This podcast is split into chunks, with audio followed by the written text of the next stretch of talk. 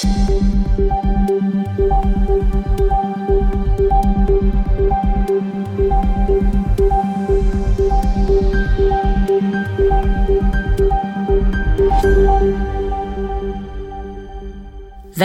tilbake til Krimnytt, en podkast for deg som ønsker å følge med på aktuelle true crime-saker. I dagens episode av Krimnytt så begynner vi med en markering.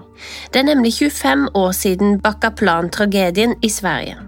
29. oktober i 1998 så ramma en stor tragedie i Göteborg da det begynte å brenne i forretningslokalet Bakkaplan. Klokka var 23.42 da de første samtalene kom inn i SOS Alarm. I andre enden hørtes skrik, bønnerop og gråting.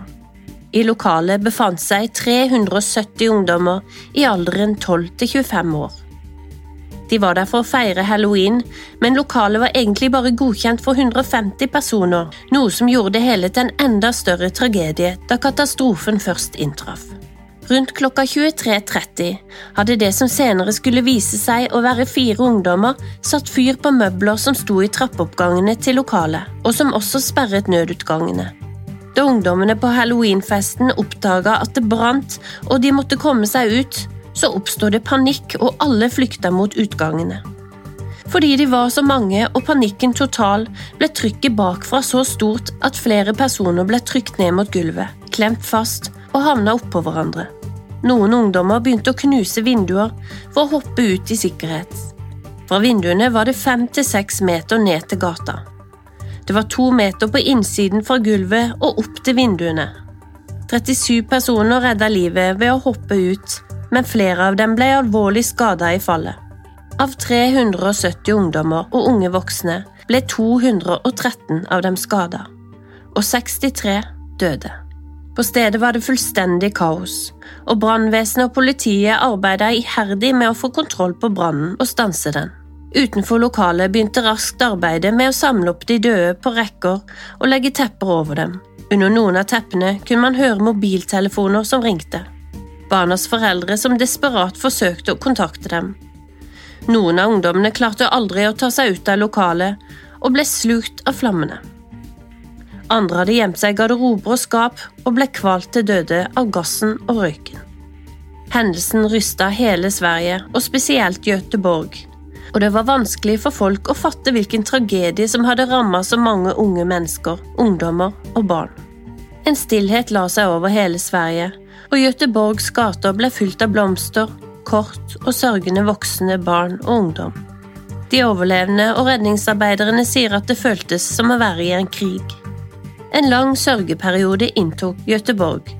Statsministeren og kongefamilien besøkte alle åstedet for å vise respekt for ofrene og deres familier. For oss nordmenn så sitter Utøya-tragedien fortsatt i kroppen vår. Slik har svenskene også i forhold til Bakkaplan-tragedien. En tragedie de aldri kommer til å glemme, og som man fortsatt kjenner på kroppen. En stor etterforskning ble startet etter hendelsen, og ett år etter brannen ble fire unge gutter pågrepet, mistenkt for ugjerningen. Guttene innrømma at det var de som hadde tent på, og oppga grunnen til å være at de hadde blitt nekta gratis inngang og derfor ville hevne seg. Det var da de hadde tent på møblene som blokkerte nødutgangene.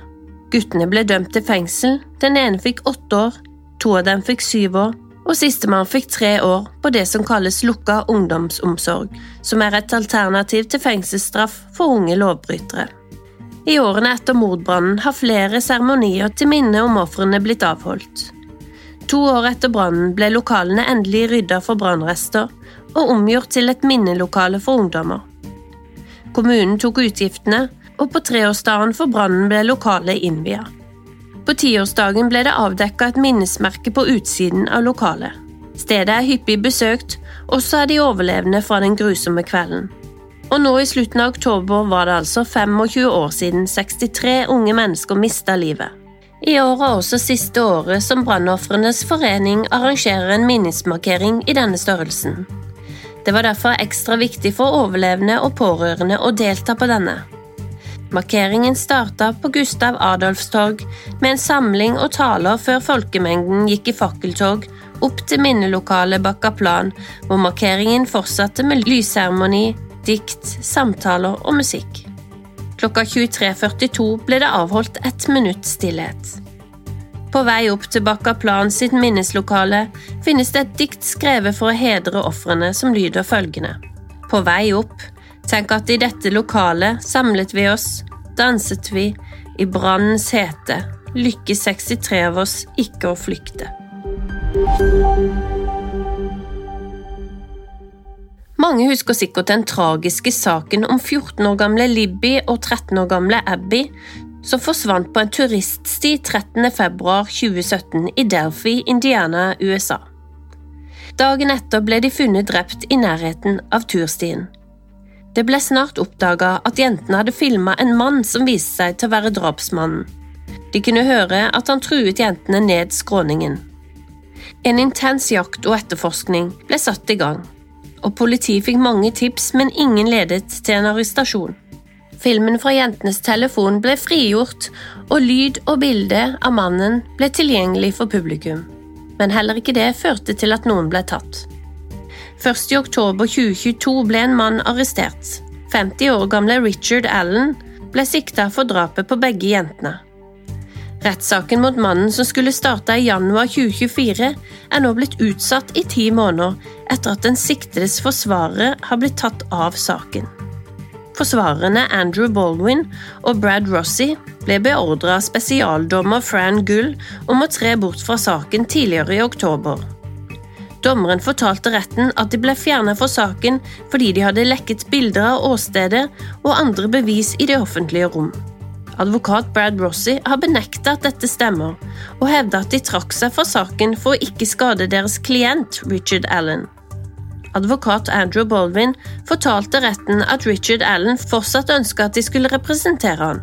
De nye advokatene William Lebrato og Richard Sremin sa i retten at det ble umulig for dem å gå gjennom alle bevisene innen januar 2024, og ba derfor om utsettelse. Dommeren godkjente utsettelsen, og rettssaken er nå satt til å gå 15. til 31. oktober 2024. I september i år hevda Richard Allen sitt forsvarsteam at jentene ble drept av en pigen kult dedikert til Odin, en krigsgud i norrøn mytologi, og hevder at Allen ble feilaktig mistenkt av politiet. Vi vet ikke hva det nye forsvarsteamet kommer til å hevde når de er ferdig med å gjennomgå bevisene. Det vil tiden vise. Og på denne tida til neste år så kan kanskje Libby og Abby sine foreldre endelig få svar på hvem som drepte datteren og kanskje vil de få sin straff for det. Så skal vi til en oppdatering av Tove-saken som vi har omtalt her tidligere i Krimnytt. Det var i midten av oktober i 2022 at 21 år gamle Tove forsvant fra Vettlanda i Sverige. Tove hadde vært ute på byen, og så ble hun sett gående hjem med to venninner. De skal ha hatt en nachspiel hos en av venninnene, og så forsvinner Tove. De to venninnene ble raskt mistenkt, og ikke lenge etter så blir Tove funnet drept i et skogholt ikke langt fra åstedet. Tove skal altså ha blitt drept hjemme hos en av venninnene, og så frakta til dette skogholtet. Venninnene ble arrestert og dømt og fikk livstid for drapet på Tove, samt likkjending. Nå er den ene 19 år gamle venninna frikjent for drapet på Tove. Hun har tidligere hevda at hun sov når drapet skjedde, mens den andre venninna har hevda at hun var våken og hjalp henne. Den 20 år gamle venninna har også fått redusert livstidsdommen ned til 16 års fengsel. Hun har også varsla at hun kommer til å anke saken igjen. 20-åringen har hele tida hevda at det ikke var meningen å drepe Tove, så nå blir det spennende å se når denne nye anken kommer opp. Vil også hun bli frikjent for dette drapet? Det var alt vi hadde i Krimnytt i denne uka. Og ta gjerne og titt innom Krimprat med Lise og Fiona for lengre historier. Vi høres.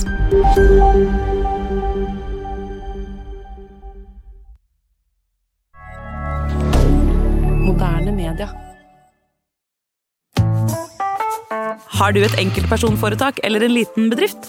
Da er du sikkert lei av å høre meg snakke om hvor enkelt det er å sende faktura med fiken. Så vi gir oss her fordi vi liker enkelt. Fiken superenkelt regnskap. Prøv gratis på fiken.no.